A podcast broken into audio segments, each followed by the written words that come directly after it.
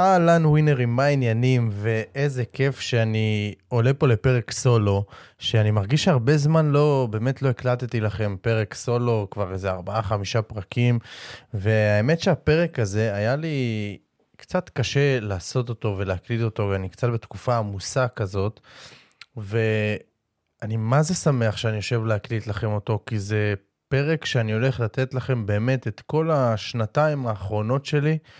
ואת כל הניסיון מהלקוחות שלי וממני, באמת במה עזר לי בעסק ומה עזר ללקוחות שלי בעסק ומה דווקא הוריד אותם. זאת אומרת, אני הולך לדבר פה אחרי שנתיים שליוויתי אחד על אחד עשרות עסקים ואלפי אנשים שלמדו ממני בהרצאות, קורסים, הדרכות, ומהפודקאסט הזה, אז uh, למדתי באמת את מה שמבדיל בין אנשים שיש להם עסקי מומחיות, שהם על המומחיות שלהם, שהם מצליחים וצומחים בצורה אקספוננציאלית, זאת אומרת, ממש בזמן קצר גדלים פי 2, פי 3, פי 4, פותחים באמת כאילו דברים חדשים, ערוצי הכנסה חדשים, לבין כאלו שנשארים במקום במשך המון המון המון המון זמן.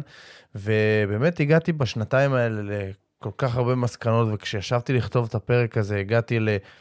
המון מסקנות שאני הולך באמת אה, לדבר איתכם עליהן, ובאופן מקרי בהחלט, מבטיח שזה מקרי בהחלט, הגעתי לעשר מסקנות בסופו של דבר.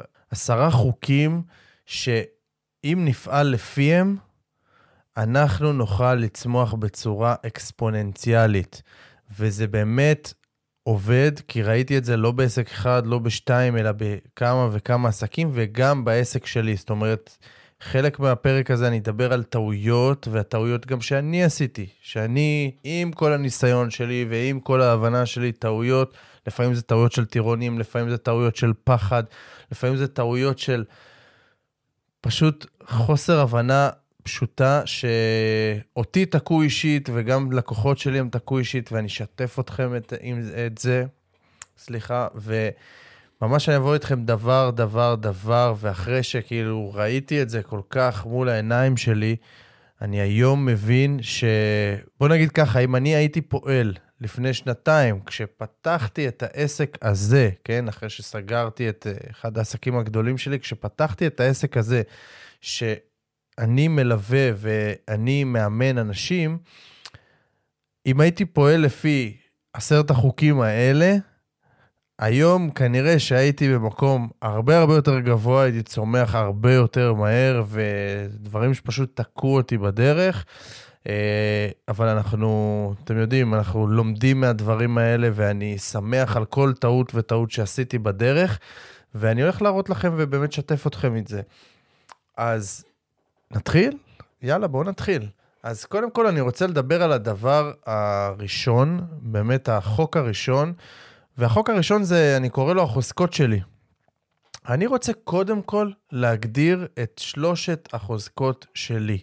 בסדר, זה יכול להיות שלוש, זה יכול להיות שתיים, זה יכול להיות אחד, זה יכול להיות ארבע, אבל עדיף שזה יהיה משהו מצומצם, דברים שאני באמת, באמת, באמת, באמת חזק בהם. זאת אומרת, זה נותן לי את ההבנה של מה אני חזק, ואפילו אני לא נכנס למה אני חלש.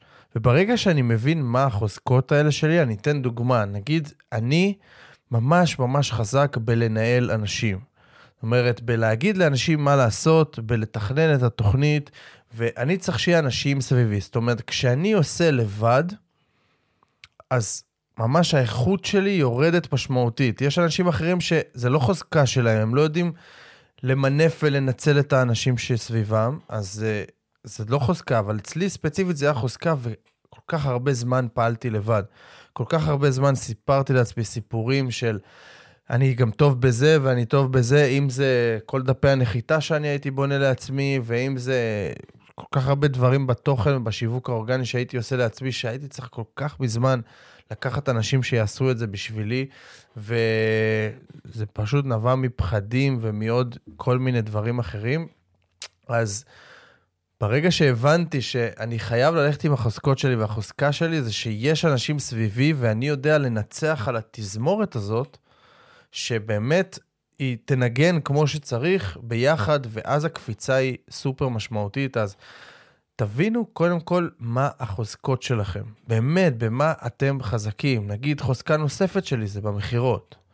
זאת אומרת, אני רק צריך להגיע לשיחת מכירה, מעמד מכירה, ושם אני כבר יודע לעשות קסמים ופלאים, ובהתחלה לא ניצלתי את זה מספיק. זאת אומרת, היה לי איזשהו פער בשיווק כשהתחלתי, אז אמרתי, אני אעשה כמה שיותר שיווק, אני אלמד לעשות את זה לבד, אני אקח את כל הקורסים, הכל, למדתי, אמנם למדתי המון, כן, והיום אני כבר במקום אחר ברמת השיווק, אבל לא השקעתי בחוזקה הגדולה שלי, שזה המכירות. זאת אומרת, אם הייתי חוזר היום לשנתיים אחורה, הדבר הראשון שהייתי עושה, זה הייתי מביא בן אדם שאני סומך עליו, שרק יביא לי לידים. לא משנה באיזה דרך, שיביא לי לידים, שיביא לי אנשים לדבר איתם. ומשם כבר הייתי מקפיץ את העסק שלי באופן משמעותי. אז החוק הראשון זה לחזק את החוזקות שלנו. כן, לדעת במה אני חזק, וכל שאר הדברים פשוט לתת לאנשים אחרים לעשות את זה, וגם על העניין של האנשים, אני אדבר איתכם ממש בחוקים הבאים. אז חוק מספר 1, החוזקות שלי. חוק מספר 2, חוק מספר 2, אני רוצה ואני חייב לדעת את מי אני רוצה לשרת. אנחנו בעסקי השירותים, אנחנו לא מוכרים מוצרים, אנחנו מוכרים שירותים. גם אם אנחנו מוכרים קורס, אפילו קורס דיגיטלי, בסוף זה איזשהו שירות שאנחנו נותנים, ואנחנו לא, ובדרך כלל לא מתחילים ישר מקורס דיגיטלי, נכון? והיום אנחנו מבינים כבר שקורסים דיגיטליים לא כל כך נותנים את התוצאות, ותמיד צריך עוד אקסטרה ואקסטרה ליווי ו- ואקסטרה שיחה עם הבן אדם, אז אנחנו נותנים איזשהו שירות. ואני רוצה באמת לדעת את מי אני רוצה לשרת, מי אני מוכן שיהיו הסביבה שלי. זאת אומרת, אם פעם הייתי מוכן לשרת בערך כל בעל עסק שאני חושב שאני יכול לעזור לו, היום זה ממש ממש לא ככה. זאת אומרת, אנשים עם אנרגיה נמוכה, אנשים שלא מוכנים לעשות, אנשים שאין להם drive, זה אנשים שאני לא רוצה אפילו להתקרב ולנסות לעזור להם. כן? כי זה מוריד לי את האנרגיה, זה שואב ממני את האנרגיה, ואני רואה את זה גם על הלקוחות שלי, שברגע שהם הפסיקו לתת שירות לאנשים שלא מתאימים להם, לאנשים שהם לא רוצים לשרת אותם באמת, אז קרה משהו מדהים, כי אנחנו מקיפים את עצמנו בסוף. הלקוחות שלנו זה גם הסביבה שלנו. תחשבו רגע על זה, כמה זמן אתם משקיעים בשיחות עם הלקוחות שלכם, כמה זמן ואנרגיה אתם משקיעים בלחשוב על הלקוחות שלכם, לדבר איתם, להיות בסביבתם. בדרך כלל זה די הרבה זמן, שוב, תלוי באיזה שלב בעסק אתם. אבל אם אתם איפשהו בהתחלה, אם אתם איפשהו במחזורים הקטנים, שעוד אין אנשים שהם מעבירים את המוצר במקומכם ואתם נותנים את השירות, אז אתם מבלים כל כך הרבה זמן עם האנשים האלה. אז אתם רוצים להגדיר מי האנשים שאותם אני רוצה לשרת. וכשאני אומר מי האנשים, אני לא מתכוון למה הוא עושה ואיזה עסק יש לו, או איזה בדיוק, האם זאת אימא או הפרופיל הזה, אלא מה המאפיינים החמים של הבן אדם. זאת אומרת, האם זה אנשים שיש להם drive, כמו שאני מאוד אוהב? האם זה אנשים שהם doer ים כאלה? זאת אומרת, אני עבדתי בעבר עם אנשים שהייתי נותן להם משימות ונותן להם דברים לעשות, ורץ ומשקיע. הייתי שואל אותם, אחרי יום, יומיים, איך אתה מתקדם, ואומרים לי, לא, לא היה לי זמן, אין לי זה, וממציאים לי כל כך הרבה תירוצים למה הם לא עושים. והאנשים האלה פשוט לקחו ממני את כל האנרגיה, והבנתי שאני מחפש אנשים שהם דוארים, אנשים שהם עושים, אנשים שהם עם שאיפות. וברגע שאני מבין את זה, אז גם הרבה יותר קל לי לעבוד עם האנשים האלה, ויותר מזה, אני בעצמי לומד מהם. תוך כדי שאני נותן שירות ללקוחות שלי, אני לומד מהם. אני פתאום רואה לקוח או לקוחה שלי שהם כל דבר עושים ישר. אני מצפה מהם לעשות משימה אחת בשבוע, פתאום הם עושים איזה 4-5 משימות, או כל הזמן באים ואומרים לי, תקשיב, סיימתי, הנה מה שקרה, אני רוצה עוד. ואז זה גורם לי ללמוד, גורם לי ללמוד מהם, הם מלמדים אותי עוד דברים חדשים שאפשר יותר. אז אלה האנשים שאנחנו באמת רוצים סביבנו, ומלבד זה אנחנו רוצים לדעת כשאני אומר לדעת את מי אני רוצה לשרת, אני רוצה לדעת ארבעה דברים גם באנשים שאני רוצה לשרת, שיעזרו לי כל כך בשיווק ובגיוס של הלקוחות. אני רוצה לדעת מה הפחדים שלהם, מה התסכולים שלהם, מה המטרות שלהם ומה השאיפות שלהם. ברגע שאני אבין מה הפחדים, תסכולים, מטרות ושאיפות של קהל היעד שלי, יהיה לי כל כך הרבה יותר קל לגעת ולדבר, ממש לדבר אליהם. אחד הדברים המאוד חזקים שאני מרגיש וחווה ושלקוחות שלי אומרים לי שלמה הם סגרו איתי, זה העניין הזה שבשיחת מכירה הם מרגישים שאני מבין אותם. וזה משהו שאני מנסה להעביר לכל הלקוחות שלי, ואני רואה שהלקוחות שלי שלומדים איתי את המכירות, כשהם עושים את זה, פשוט לקוחות סוגרים איתם, ואפילו הם לא, הם לא יודעים להגיד בדיוק למה. אבל הלמה הגדול הזה, ב, ברמת המכירה, זה, אם לקוח אומר לי, אני אתן לכם דוגמה, אם לקוח עכשיו בא ואומר לי, תשמע, זאת הבעיה שלי ואני מרגיש ככה וככה, ואם אני בא ואומר לו, אז זה גם גורם לך להרגיש את זה, נכון? ואתה חווה גם את הבעיה הזאת, נכון? כי אני כבר מכיר אותם ואני יודע אותם. אני מכיר אותם מספיק טוב, את הפרופיל של הלקוח שלי. אז הוא אומר לי, כן, וואו, נכון, זה בדיוק זה. וברגע שלקוח שלכם, או סליחה, לקוח פוטנציאלי, אומר לכם, וואו, זה בדיוק זה, בדיוק עלית על הדבר, בדיוק זה מה שחשבתי והרגשתי, הוצאת לי את המילים מהפה, נכנסת לראש שלי כאלה, הם פשוט מרגישים שאנחנו מבינים אותם, וכשהם מרגישים שאנחנו מבינים אותם ואת הבעיה שלהם, האמונה הראשונה שעולה להם זה שהם מאמינים שאם אני יודע מה הבעיה שלהם בדיוק, כנראה יש לי את הפתרון המדויק לזה. וזה משהו מטורף שרואים את זה במכירות ובשיחות המכירה, אז תדעו באמת מה הפחדים, תסכולים, מטרות והשאיפות שלהם. ואיך אנחנו הולכים לדעת את זה? זה ממש לעשות מחקר. כשאני אומר מחקר זה ממש, אם יש לכם כבר לקוחות עכשיו ואתם לא עסק חדש, להתקשר ללקוחות ולשאול אותם. מה היה לפני שהתחלנו לעבוד? מה היה הפחדים שלכם? מה התסכולים? מה היו המטרות? מה רצית להשיג? מה השאיפות? מה החלומות? אנחנו רוצים לדעת את הדברים האלה. וככל שנדע יותר ויהיה לנו יותר מידע מיותר אנשים, ככה באמת אנחנו נהיה יותר מדויקים, אם זה בשיווק, אם זה במכירות שלנו. ודבר נוסף, אנחנו רוצים לאסוף פידבקים מלקוחות, גם מרוצים וגם לא מרוצים. פידבקים, אני לא מתכוון רק להמלצות מצולמות, אלא זה באמת לשאול אותם. נגיד אנחנו עושים תהליך של שלושה חודשים.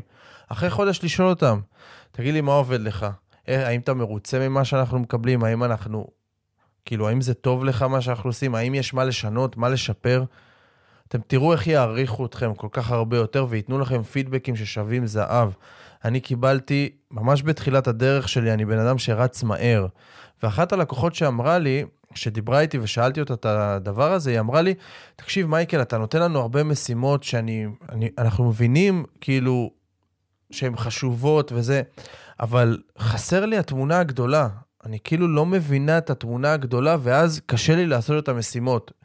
זה פידבק שפשוט כל כך עזר לי בחיים, שהבנתי שכאילו מה, מאותו שיחה והלאה, כל הכוח שלי, הדבר הראשון שהראיתי לו תמיד זה התמונה הגדולה. זה תמיד האסטרטגיה הגדולה, לאן אנחנו הולכים, ואז אני נותן לו את הצעדים ואת הטקטיקות. זאת אומרת, אני תמיד עשיתי את האסטרטגיה, אבל הרבה פעמים השארתי, עוד לפני הלקוחה הזאת, הרבה פעמים השארתי את האסטרטגיה אצלי.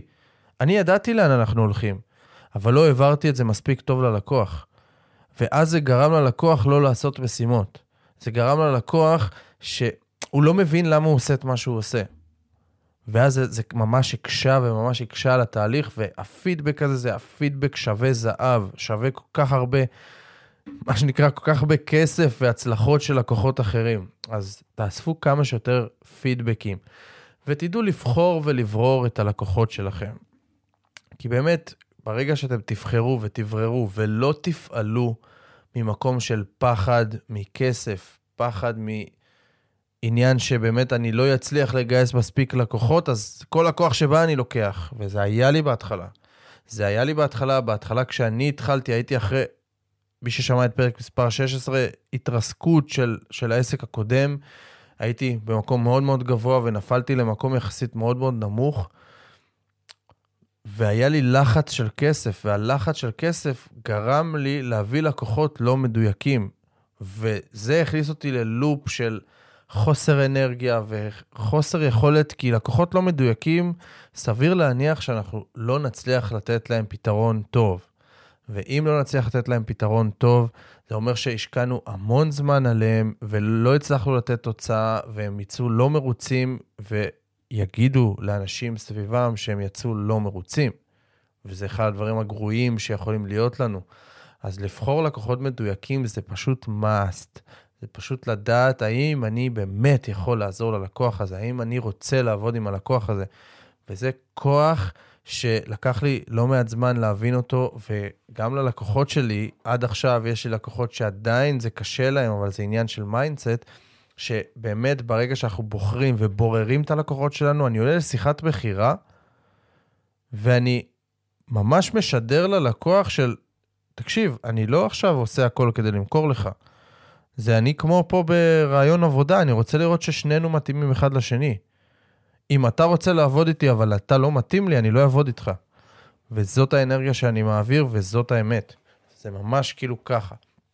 אז זה היה באמת הדבר השני, והוא כל כך קריטי. אני יודע שחלקכם ששומעים ומאזינים לזה, אין להם את הגעה יעד מדויק, כי אתם מדברים איתי, ואתם מעלים לי את הכאב ואת הקושי הזה. אני יודע שאין לכם את זה, אז יש גם פרק על קהל יעד, לדעתי פרק 4, פרק 5, ותשקיעו על זה זמן. אם הייתי חוזר אחורה, אני לקח לי זמן להבין את זה, אבל אם הייתי חוזר אחורה, הייתי אפילו יושב שבוע, שבוע וחצי רק על זה, מדבר עם כמה שיותר אנשים שהם בפרופיל קהל היעד שלי, כדי להבין את זה טוב יותר. ורק אז יוצא בכלל לדרך. והחוק השלישי, החוק השלישי הוא חוק שהוא די מקל על העניינים, כן? הוא מצד אחד מקל על העניינים שלנו ועל ההצלחה ועל הדרך שלנו, מצד שני לפעמים הוא tricky, והחוק הזה הוא הפתרון המיוחד שלי. זאת אומרת, זה להבין שאני רוצה למכור פתרון מקיף ללקוח, ואני רוצה לפתור בעיה אחת גדולה. זאת אומרת, אם אני איפשהו במצב כרגע שאני לא מרוצה מהתוצאות שלי, ואני לא מכניס מספיק כסף, ואני ניסיתי מלא מלא מוצרים ומלא דברים, אני צריך להבין שאני צריך להתחיל מזה שאני אדע לפתור בעיה אחת גדולה שיש ללקוח, ולתת פתרון מקיף. ולא לזרוק הרבה מוצרים קטנים ועוד מוצר פה ועוד איזה סדנה קטנה פה ועוד איזה משהו פה, לא, לתת פתרון מקיף ללקוח ולהתמקד בזה.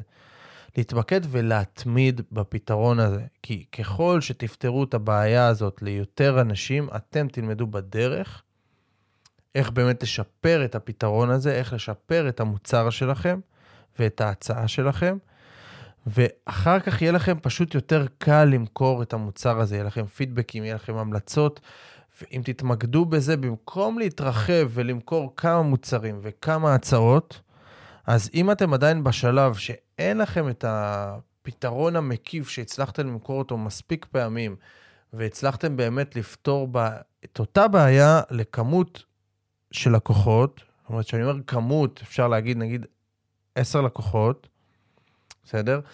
ובאמת להתמיד בזה. כי אני רואה הלקוחות שלי שלא התמידו בזה, וחודש לא הצליחו למכור את המוצר הזה, אמרו, טוב, יאללה, בוא נמכור משהו אחר, בוא נפתור בעיה אחרת.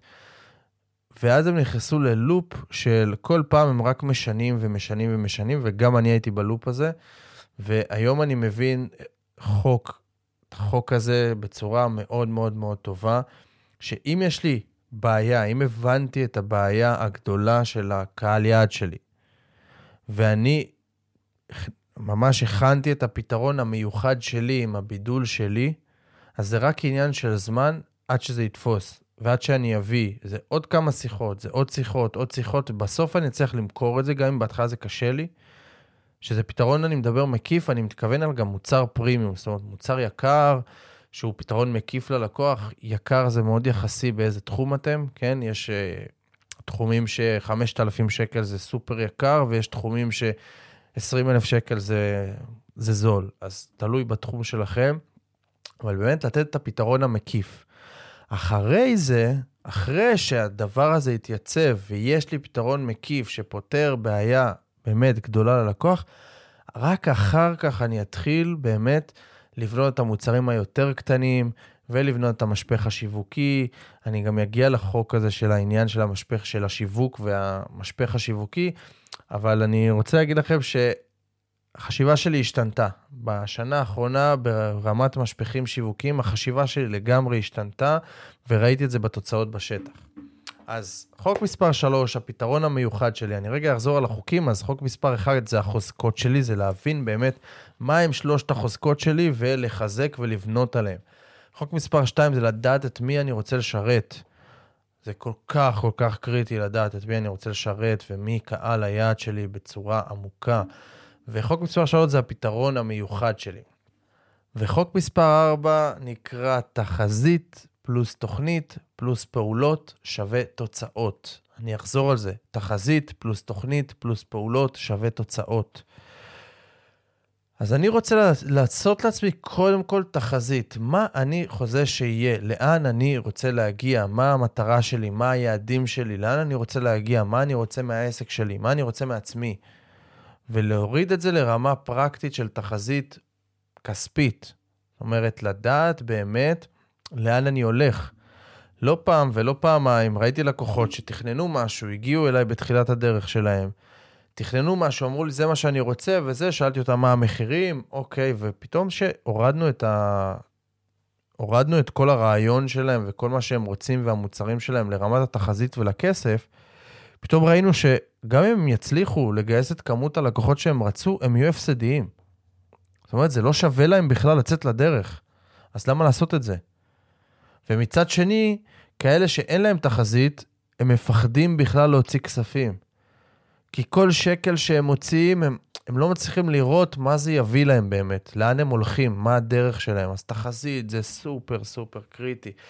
ותוכנית זה באמת איך אני הולך לעשות את זה. אוקיי, שמתי יעדים, הבנתי מה ההכנסות שאני מצפה, מה ההוצאות שאני מצפה, אבל איך אני הולך לעשות את זה? מה הדרך שלי?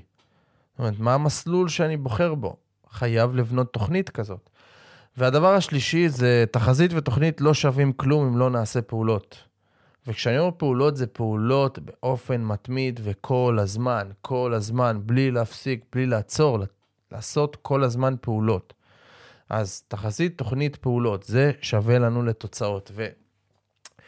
ויש משפט שאני מאוד מאוד אוהב, והוא הולך ככה, go big or go home.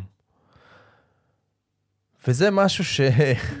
וואו, אני כאילו, ממש זה מציף אותי, כי אני כאילו מסתכל על התקופה שלי אחורה, ואני אומר, אם הייתי חושב go big or go home, בתחילת הדרך שלי, באמת שכנראה דברים היו נראים ממש ממש אחרת. והכוונה של go big or go home זה גם אני, חטאתי בזה, וגם כל כך הרבה בעלי עסקים חוטאים בזה שהם מנסים לעשות דברים לבד, הם מנסים צעד צעד, לאט לאט. באמת הם מנסים, בואו נתחיל שיווק אורגני בקטנה, נעלה קצת פוסטים, נביא ככה לקוחות, עוד ליד פה, עוד ליד שם, נגרד את זה, זה... חבר'ה, זה ברוב המקרים, זה לא עובד. זה גוזל כל כך הרבה אנרגיה לעשות את הדברים בקטן קטן ולאט, לאט, לאט, לאט. ו... זה ממש מקשה עלינו. זה ממש מקשה עלינו. עליי זה לקח לי כל כך הרבה אנרגיה, וברוב המקרים שאנחנו מתחילים לאט-לאט וקטן קטן, מבלי להוציא כסף, אני אלמד איך לעשות את זה לבד, ואני אחסוך פה, אני אבנה את הדף נחיתה בעצמי, ואני אעשה את הקמפיין הממומן בעצמי, ואני אשים 200 שקל תקציב לחודש הזה, ואני אנסה ככה לגרד, ואני אדבר עם ההוא ועם ההוא, והכל כזה בקטן. ברוב המקרים אין תוצאות. ואז אנחנו רצים תקופה מאוד מאוד ארוכה, ואין לנו תוצאות, ואז מתחילים לעלות כל הספקות.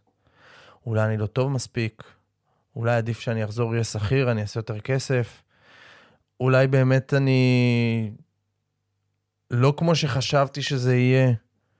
אולי לא שווה לי באמת להיות בעולם הזה של העסקים. אולי עסק זה לא בשבילי בכלל. וזה באמת קורה כי המתחרים שלנו, הרציניים, הם הולכים בגדול. וכל כך קשה להתחרות באנשים ששמים כל כך הרבה כסף, שאנחנו לא שמים בכלל כסף. או עושים הכל לאט-לאט וקטן קטן. אז go big אומר של אני מהמר על עצמי.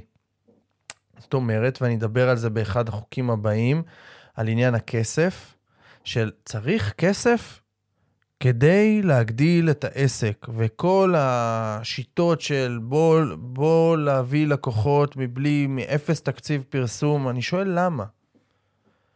למה לכם לעשות עם אפס תקציב פרסום? למה לעשות את זה קשה? למה ללכת קשה? כי תקציב פרסום בסוף, ואני חווה את זה על עצמי, שאני יכול לשים 3,000 שקל בחודש ולהכניס 2, 3, 4 לקוחות של 30,000. אז ה-3,000 שקל האלה לא שווים לי? לא שווה לי הדבר הזה? כי בסוף אנחנו נבין איך לעשות את זה ונביא את האנשים הנכונים, ואנחנו רק נכניס מזה כסף. אז צריך לדעת ולהמר, כן יהיה זמן של טסטים, כן יהיה זמן שהשיווק הזה לא יעבוד, וכן יהיה כספים שייזרקו. נכון, אבל זה חלק מהשכר לימוד שלנו. וזה עדיף על שכר לימוד של אני אעשה הכל בעצמי, ואני אנסה כזה לאט לאט ו... ו... יגרד מפה ויגרד מפה וליד מפה וליד מפה וננסה לסגור ככה קצת פה לאוזן, וזה פשוט שוחק. זה פשוט שוחק שכל התעסוקה שלנו זה בלנסות להביא לידים ובלנסות באמת צעד צעד ללכת. לא, בואו נלך הפוך. בואו נלך יותר בגדול. בואו מראש נתחיל עם כסף. אני אדבר על זה תכף איך אנחנו נעשה את זה, אבל בואו נתחיל מראש עם כסף. בואו נתחיל מראש בלהביא אנשים שיעשו עבורנו את מה שאנחנו לא טובים בו. למה לנו לנסות לפרסם בעצמנו, או לנסות, אם הגענו, קחו דוגמה קלאסית, מישהי שהיא, בוא נגיד, מאמנת כושר. עכשיו, היא מתחילה, היא לא מבינה בשיווק, אז היא מבינה שאוקיי, צריך לעשות אינסטגרם, וצריך לעשות uh, סרטונים, וצריך לעשות זה, והיא מנסה לעשות הכל לבד, ולערוך וזה, והיא לא שמה תקציב פרסום.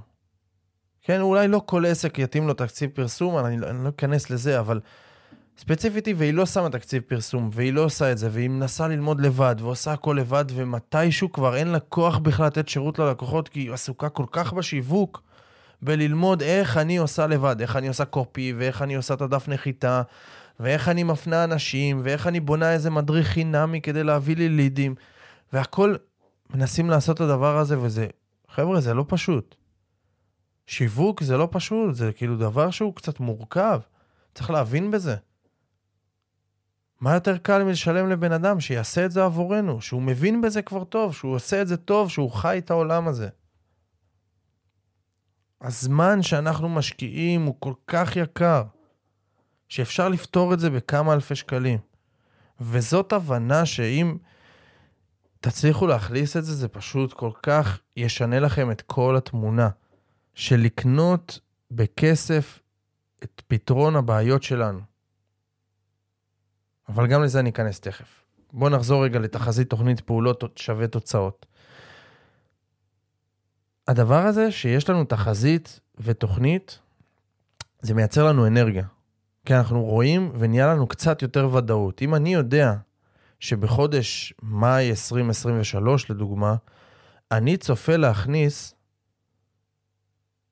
100 אלף שקל, והיום אני מכניס נגיד 5,000 שקל, בסדר? אני לא נכנס לתוכנית נכונה או לא נכונה, אבל נגיד שזה המצב וזה מה שתכננתי ויש משהו שמגבה את זה, כן? לא סתם אני זורק מספרים, יש משהו שמגבה את זה. אז פתאום אני יודע שאוקיי, אני הולך להכניס את הסכומים האלה, אז גם יש לי, יותר קל לי להוציא כספים, נכון? וגם יש לי יותר אנרגיה לנוע, כי אני רואה את הכמות לקוחות, כל אחד מה שמניע אותו, לראות את הכסף מול העיניים, לראות את כמות הלקוחות, לראות את כמות ההשפעה. לראות את איך אני אעזור לעוד אנשים שאני רוצה לעזור להם, זה מייצר לי אנרגיה כי אני רואה משהו, אני רואה את זה מול העיניים, זה נהיה לי כבר יותר ויזואלי, זה נהיה לי יותר אמיתי. אז אני גם יותר משקיע בזה וזה מניע אותי לעשות פעולות. בסדר? זה כל כך כל כך חשוב. אבל למרות שיש לי תחזית ויש לי תוכנית ואני עושה פעולות, אני חייב להבין דבר חשוב מאוד, זה שאף פעם זה לא יעבוד כמו שתכננתי. תמיד יהיה לי דברים שהולכים להשתבש, תמיד יהיו לי אתגרים, ואנחנו צריכים להיות גמישים ולהבין את הדבר הזה, ולהיות באמת גמישים ולדעת להתמודד עם הדברים האלה. לא להתרגש מזה שהתוכנית לא עובדת לי כמו שצריך, פשוט לדעת שדברים הולכים להשתבש, לתכנן את זה, ממש להגיד, אוקיי, אני יודע שדברים הולכים להשתבש, אבל אני אתמודד עם כל דבר שיגיע. אני מספיק סומך על עצמי שאני אדע להתמודד עם הדבר הזה, או להביא את האנשים שיעזרו להתמודד עם הדבר הזה. בסדר? אז זה היה חוק מספר 4, תחזית פלוס תוכנית פלוס פעולות שווה תוצאות. וחוק מספר 5, ממש. אני מת על החוק הזה, והחוק הזה הוא באמת נקרא יכולות המכירה.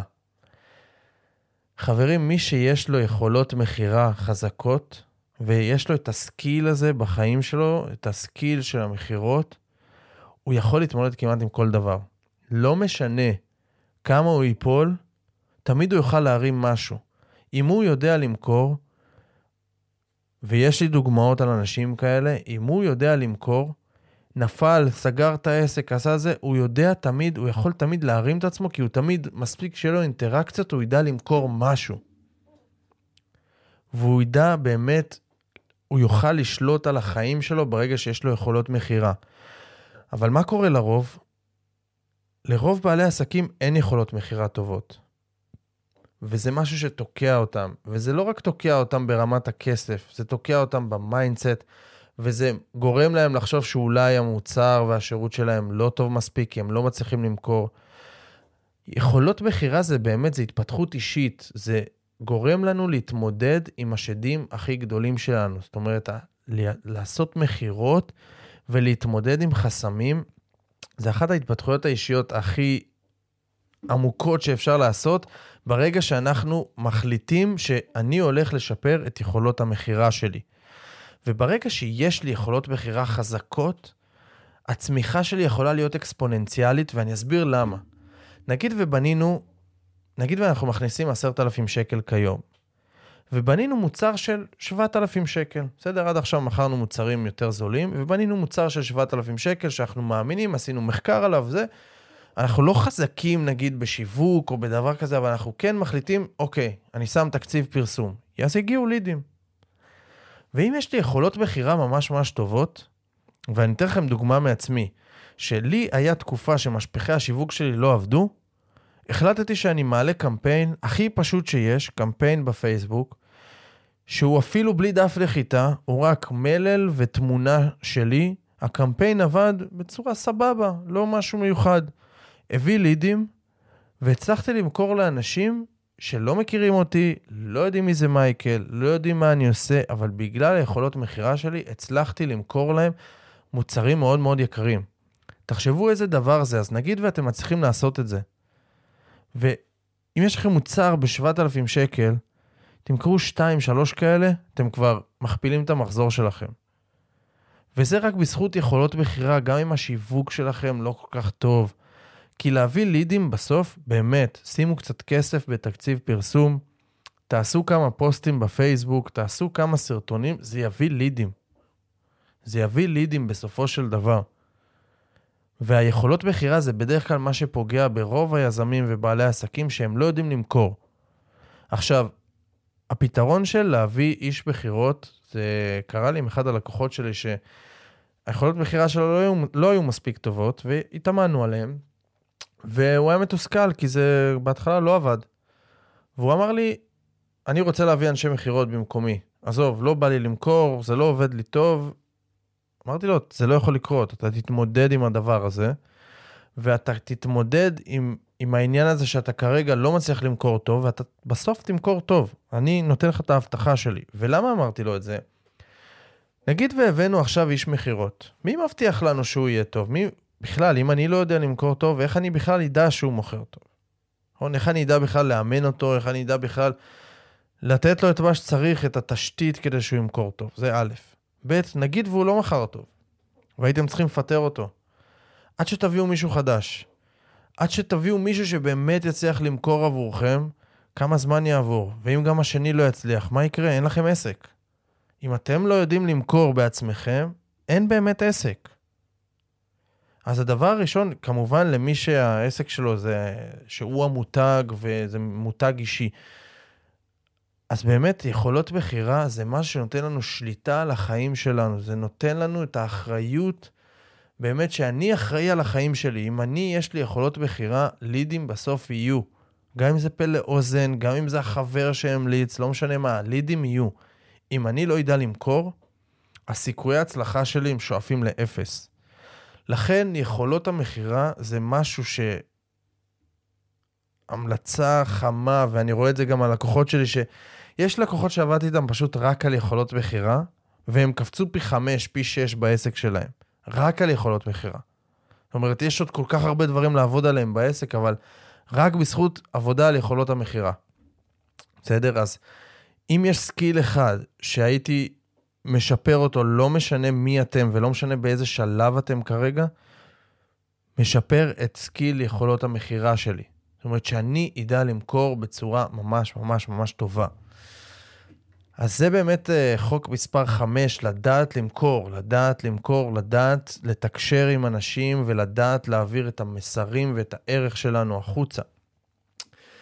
וחוק מספר 6, אה, לקחתי את, ה, את השם מגרנט קרדון, והוא כל הזמן אומר, אחד הדברים שהוא חזק בהם מאוד, זה promote, promote, promote. זאת אומרת, הוא אומר, חוק מספר 1, promote, חוק מספר 2, promote, חוק מספר 3, promote. אז מה זה אומר? בעברית זה לשווק, לשווק, לשווק, לקדם, לקדם, לקדם. זאת אומרת, אני כל הזמן רוצה לשווק. עכשיו, מה זה אומר? אז אחת התובנות ש, שהבנתי, גם סיפרתי לכם את הסיפור הזה, זה שלא צריך מס, משפך שיווק. לא חייב משפך שיווק. זאת אומרת, מה זה לא חייב? אפילו אם אתם איפשהו שהעסק שלכם עדיין כזה תקוע או מקרטע והשיווק לא כל כך עובד, משפך שיווק זה לא הפתרון. צריך שיווק מינימליסטי, זה יעשה את העבודה. מה זה שיווק מינימליסטי? זה פשוט לשים מודעה ולמכור את המוצר, זאת אומרת מודעה שמפנה לליד שמוכר, ואתם מוכרים בשיחת מכירה את המוצר הכי יוקרתי שלכם, את הפתרון המלא שלכם. בלי למכור מוצר ב-200 שקל ועוד מוצר אחר כך ב-700 שקל ועוד מוצר ב-2,000 שקל עד שאני אגיע למוצר הגדול שלי. לא. אפשר למכור מוצר, את המוצר הגדול שלנו כבר בהתחלה, כבר מראש, מבטיח לכם, זה עובד לי. כמובן שיש שלב בעסק שאני רוצה לגדול ולמנף שמשפך שיווק יעשה לי עבודה טובה יותר. זאת אומרת, גם המוצרי בסיס שלי והמוצרים הקטנים שלי יכולים להיות ערוץ רווח מאוד מאוד משמעותי, ולפעמים ערוץ רווח משמעותי בהרבה יותר ממוצרי הפרימיום שלי. אבל בתור התחלה, לבנות משפחי שיווק ולעבוד עם הדבר הזה זה מורכב. משפחי שיווק זה מורכב לבנות את זה, אם זה ברמה הטכנית, ואם זה ברמה שהדבר הזה יעבוד. כי כשיש לנו משפך שיווק ארוך, יש כל כך הרבה מקומות שהוא יכול לא לעבוד, שעד שאני אבין באמת איפה הוא לא עובד, אני צריך להוציא מספיק תקציבים, אני אבזבז הרבה כסף, ובסוף המשפך שיווק הזה יכול רק להוציא לי כסף ולא להכניס לי כסף. אז פשוט להגיד לאנשים ברמה המינימליסטית, כן, כמובן צריך לכתוב קופי טוב, ושימיר, שיביא את האנשים אלינו, אבל ברעיון הגדול, זה הבעיה שאני פותר, זה, זה, זה הפתרון שיש לי, זה האנשים שאני עובד איתם, מי בעניין? מי רוצה לשמוע עוד? ואז אנחנו רק רוצים לאסוף לידים. בסדר? באמת ברמה הפשוטה ביותר. ואם יש משהו חשוב, זה שיהיה לי תקציבי פרסום, שאני אוכל לפרסם. תקציב פרסום זה פשוט, אני דוחף את עצמי לאנשים שלא הייתי מגיע אליהם ב- בלי זה. אני פשוט אומר לאנשים, תראה אותי, תראה אותי, תראה אותי, תראה אותי, תראה אותי, בסוף אנשים ישאירו לידים. זאת אומרת שתקציב פרסום, אני יודע שהרבה אנשים אומרים, והרבה קולגות שלי, והרבה, לא אוהב לקרוא לזה מתחרים, אנשים שהם באמת עושים דברים דומים לשלי, שהרבה פעמים אומרים שבהתחלה תתחילו בלי תקציב פרסום, שווקו אורגני, תנסו את המוצרים שלכם, תראו איך זה עובד. אני חושב שזה לא נכון. אני חושב שמראש אנחנו רוצים להתחיל כמובן גם אורגנית, כי הנוכחות הדיגיטלית שלנו היא קריטית, כי גם מי שיעשה תקציבי פרסום, הרבה פעמים יבואו לבדוק אותו, איך הוא באורגני שלו, איך נראה האינסטגרם שלו, איך נראה הפייסבוק שלו, איך האתר שלו, וכולי וכולי. אבל התקציבי פרסום זה בסוף, אני קונה ויש לי שליטה על זה. אם אני יודע היום כמה עולה לי ליד, נגיד ליד עולה לי 50 שקל, ואני יודע שלסגור אני סוגר 1 ל-10 נגיד. זה היכולות מכירה שלי, עבדתי עליהם, אני טוב, 1 ל-10, 1 ל-5, כל אחד והמספרים שלו, זה לא משנה. אבל נגיד ואני סוגר 1 ל-10, אז אם עולה לי 50 שקל lead, אז אני יודע שבשביל לסגור לקוח אחד עולה לי 500 שקל. אז מה יותר יפה מזה? זה ממש תנועה שאני שולט בה, זה traffic שאני שולט בו.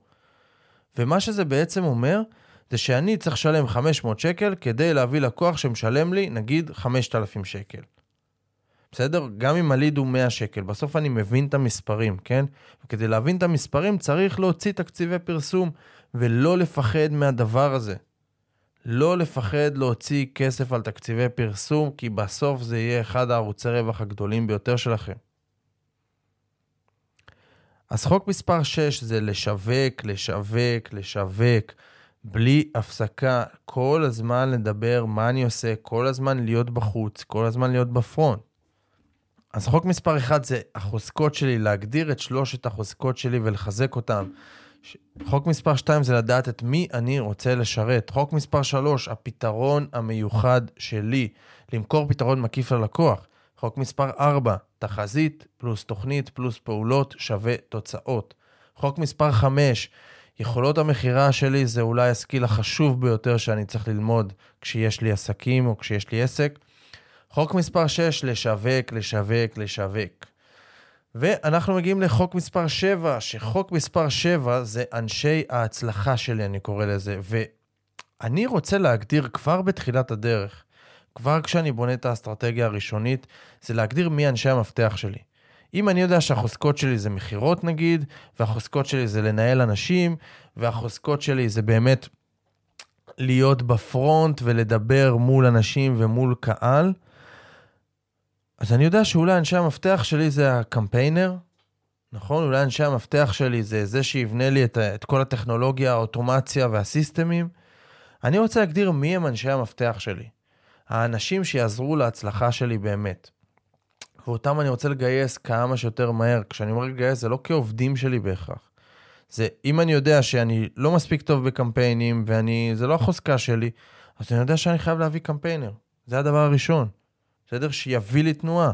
אם אני יודע שאני לא טוב בקופי, אבל אני רוצה לכתוב, אז אני אביא מישהו שיכתוב בשבילי. בסדר? אז אנחנו רוצים להגדיר מי הם אנשי המפתח שלי, ולהגדיר גם מה הבעיה שאני צריך לפתור. זאת אומרת, אם אתם עכשיו נמצאים במקום שאתם לא מרוצים מהעסק שלכם, לא מרוצים מהתוצאות שלכם, שבו רגע, תכתבו מה הבעיה שלי. מה הבעיה שלי? האם זה בשיווק? האם אין לי מספיק לידים? האם אני לא סוגר מספיק טוב? האם המוצר שלי לא מדויק? האם קהל היעד שלי לא מדויק? תגדירו מה הבעיה שלכם. ואחר כך אל תשאלו איך אני פותר את הבעיה. זאת שאלה של מתחילים, זאת שאלה שהייתי שואל את עצמי בהתחלה. היום השאלה הנכונה, לדעתי, זה מי יפתור לי את הבעיה. לא איך אני אפתור את הבעיה, זה מי יעזור לי לפתור את הבעיה. אני רוצה למצוא את הבן אדם שיעזור לי לפתור את הבעיה, וברגע שאני אמצא את הבן אדם הזה, זה יהיה המינוף הכי גדול שאני יכול לעשות לעצמי. מישהו שמומחה בפתרון הבעיה הספציפית הזאת, שאני אשלם לו כסף והוא יפתור לי את הבעיה. וברגע שאנחנו מבינים את זה, אם זה נגיד קמפיינר שידע להביא לי לידים, שאין לי לידים, אני ממש טוב במכירות, אבל אין לי מספיק לידים, אז מה אני צריך? סך הכל להביא לידים. מי יכול לפתור לי את הבעיה הזאת? מי יכול לגרום לי שיהיה לי יותר לידים? זה יכול להיות קמפיינר, זה יכול להיות אה, מנהל שיווק, זה יכול להיות אסטרטג שיווק, זה... כל הדברים האלה. אני צריך למצוא את הבן אדם הזה.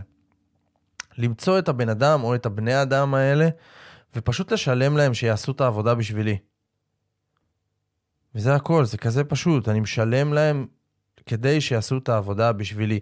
אני רוצה לקנות אנשים, דרך אגב, כן? אני רוצה לקנות אנשים שייתנו לי הכי הרבה ערך. כן? כי לא פעם ולא פעמיים, במיוחד בהתחלה שלי, הייתי מסתכל על המחיר. המחיר וגם בטווחים היה גורם לי לחשוב אם לקנות או לא לקנות. זאת אומרת, אם אני רוצה עכשיו ללמוד מכירות, יש קורס נגיד של 20,000 שקל ויש קורס של 5,000 שקל. אני מדבר נגיד עם איש המכירות, ובקורס של 20,000 שקל אני מרגיש שוואו, זה כאילו ייתן לי משהו מטורף, וזה בדיוק מה שאני צריך, אבל זה יקר לי. וב-5,000 שקל אני מרגיש שזה... באמת, אני מרגיש שאני קצת מתפשר, אבל זה סבבה. אז פעם הייתי מחליט לפי הדבר הזה. היום אני לא מחליט לפי הכסף, לפי כמה זה יעלה לי, אלא מה ייתן לי הכי הרבה ערך. אם אני חושב שהמוצר הזול ייתן לי יותר ערך, מדהים, אני לא בוחר לפי זול או יקר, אלא לפי מה ייתן לי הכי הרבה ערך. ואני גם מחפש, המלצה, בואו בוא נפתח רגע סוגריים, אני מחפש תמיד את המוצר היוקרתי ביותר של אותו בן אדם. נגיד, ומצאתי בן אדם שאני ממש רוצה שהוא יעזור לי לפתור בעיה מסוימת, ובדרך כלל יש להם משפחי שיווק, ובוא תעבור ותתחיל באיזה משהו קבוצתי כזה, ותתחיל בקורס, ולאט לאט הוא ימכור לי עד שהוא ימכור לי את המוצר פריום שלו. אז לא, בדרך כלל מה שאני עושה, וזו המלצה חמה ממני, זה להגיד לאותו בן אדם, תגיד, תקשיב, אני רוצה את הדבר הכי יוקרתי שלך, את האחד על אחד איתך, או מה שהכי יוקרתי אצלך, בוא נדבר ונראה אם זה מתאים לי. וככה אני מגיע למצב שאני מקבל את הפתרון הכי טוב של אותו בן אדם שאני מאמין שיכול לעזור. בסדר? ואני חוסך לי כל כך הרבה זמן בדרך מלעבור עוד שלב ועוד שלב ועוד שלב בדרך. חוק מספר 8, כסף. אוי, הכסף, כמה זה... כמה אפשר לדבר סביב הכסף, כמה פחדים יש על כסף, כמה כסף משנה ומניע את העולם. ואחד הדברים שאני רוצה לתת לכם המלצה חמה, זה כשאתם הולכים לעשות שינוי עכשיו בעסק, אם אתם לא מרוצים, אם יש לכם, באמת אתם רוצים לשנות משהו בעסק ואתם רוצים באמת לצמוח, תבינו שעדיף לבוא עם כסף.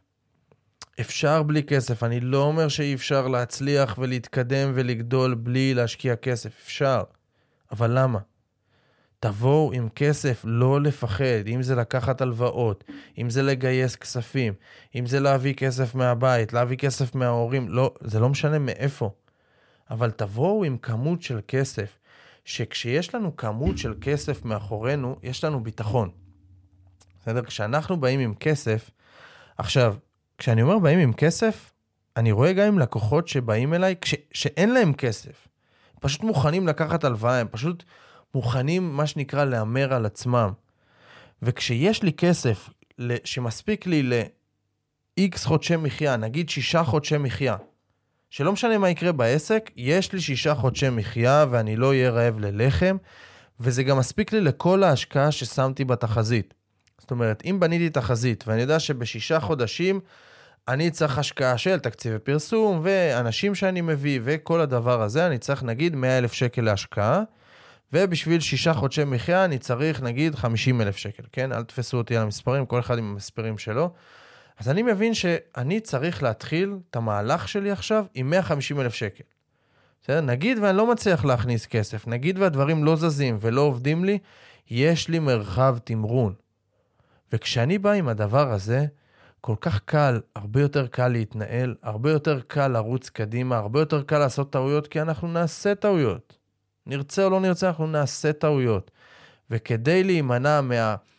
פחד ומפתאום, רגע, למרות ששמנו את זה בתחזית, וזה קרה לי לא פעם עם לקוחות, ששמנו תחזית, חזינו בדיוק את הדברים, ועדיין היה פחד לשים את הכסף. וזאת אחת הטעויות. כשאנחנו מפחדים לשים את הכסף, זה משדר לנו, לתת מודע שלנו, שאני לא מאמין בעצמי. כשאני מפחד לשים כסף על עצמי, זה אומר לי, לי בתת מודע, אני לא מאמין בעצמי. אז אנחנו צריכים באמת לנטרל את כל הלחץ הכלכלי הזה ולבוא מראש עם כסף. אם יש לנו את הכסף הזה בארסנל שלנו, מדהים, להקציב אותו בדיוק בשביל זה. אם אין לנו, זה לדאוג שיהיה לנו. זה לא, הפרק הזה הוא לא פרק של איך מגייסים כסף, אבל תאמינו לי שגם מי שאין לו כרגע כסף וגם מי שכרגע בחובות, ניתן לגייס כסף. בסדר? כמעט כל אחד יכול לגייס כסף, יש הרבה דרכים והרבה צורות. ואפשר להתייעץ עם יועצים פיננסיים ואנשים שמבינים בזה, כדי באמת לגייס כספים.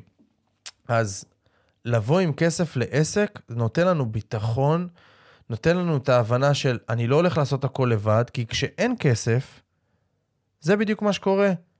אין לי כסף, אז אני אומר, אני אנסה אורגנית רק להביא לקוחות, ואני אנסה לבד, אני אבנה את הדף נחיתה לבד, ואני אשווק לבד, ואני אלמד ככה, אעשה איזה סדנה של 200-300 שקל, ואני אלמד איך לעשות את השיווק האורגני ככה בקטנה, ואני אלמד איך לעצב פוסטים.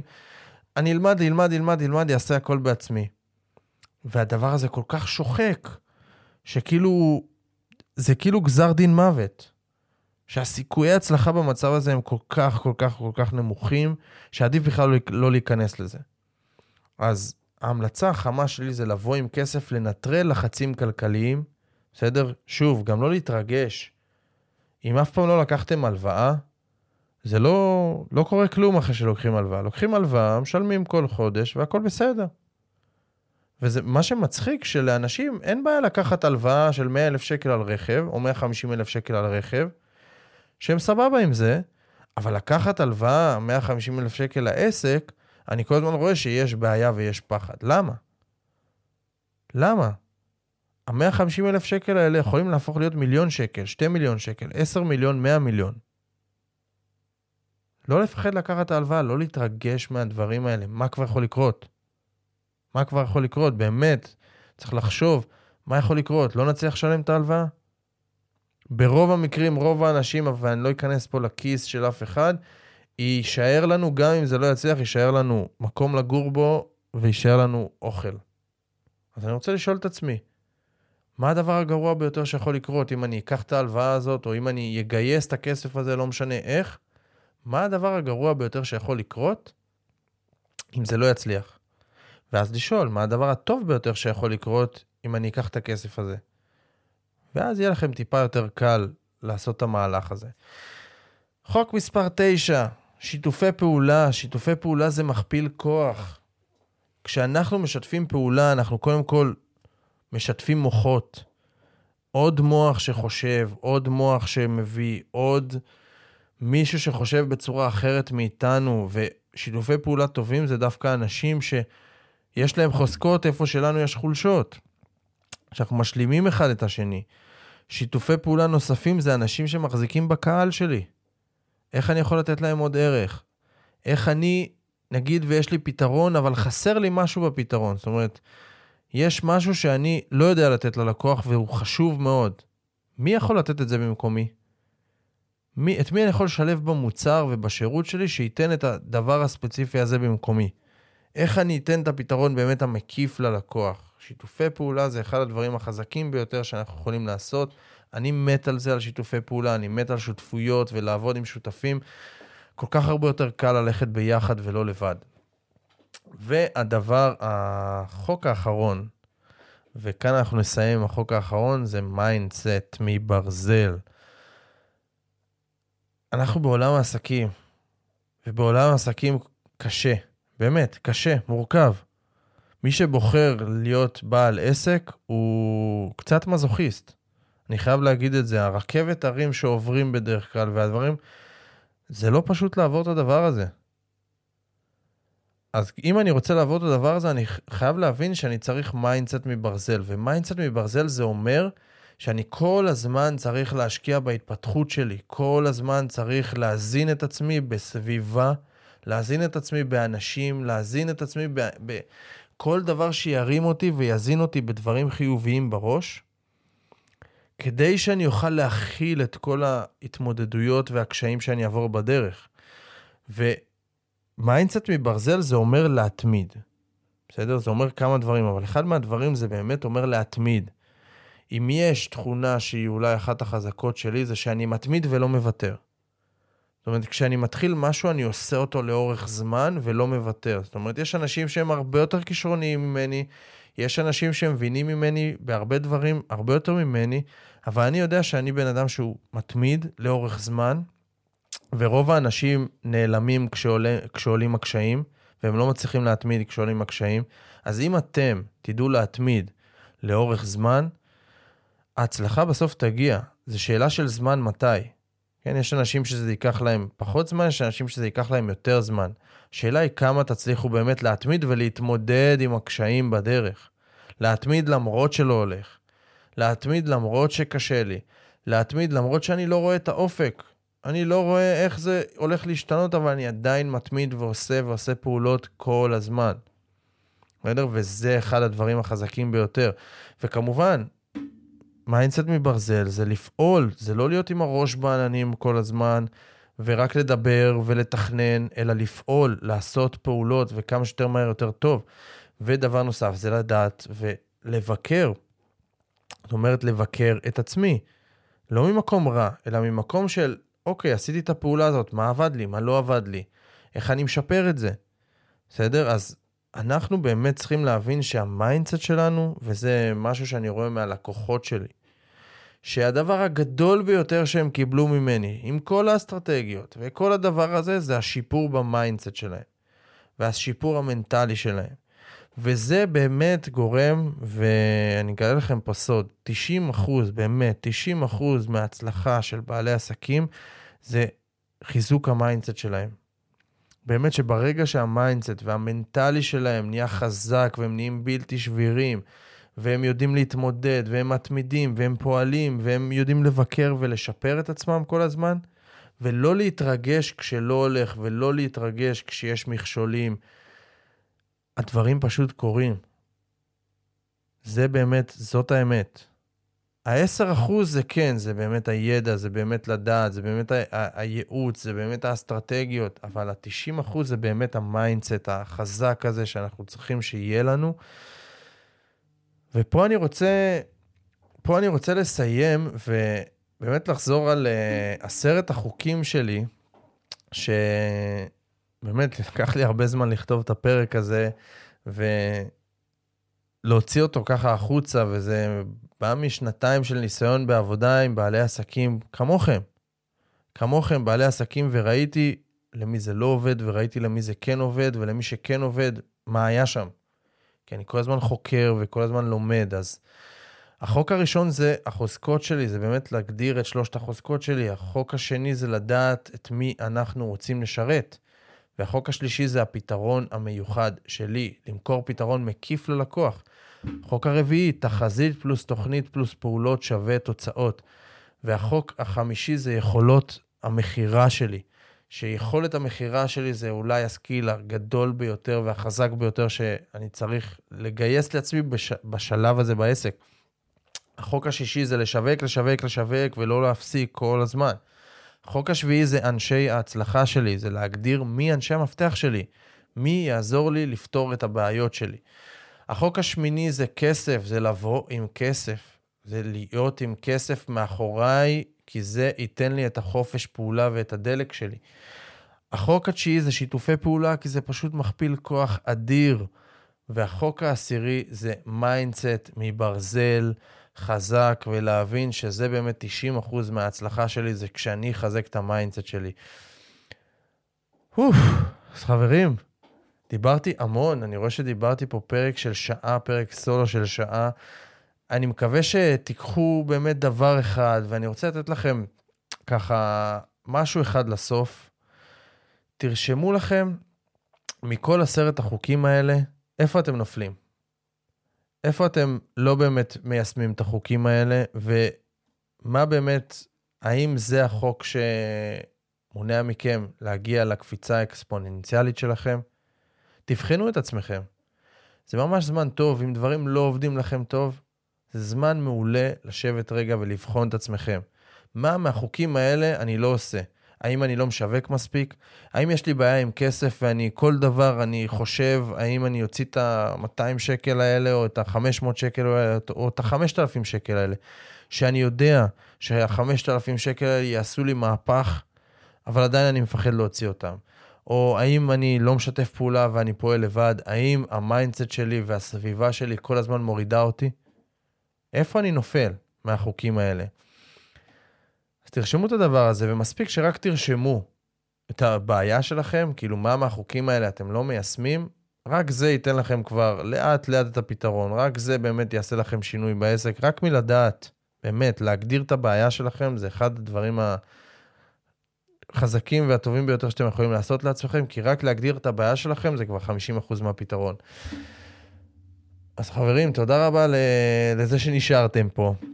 ואם אתם מרגישים שהפרק באמת תרם לכם, אני אשמח מאוד שתשתפו אותו לחברים, תשתפו אותו באינסטגרם, תייגו אותי, אני באמת, אני, כל אחד שיתייג אותי, ואם יש לכם שאלות, אני אשמח לענות לאחד, אחד, אחד מכם. כל אחד שישאל אותי שאלות על הפרק, אני אשמח לענות לכם, אני אגיע לכולם.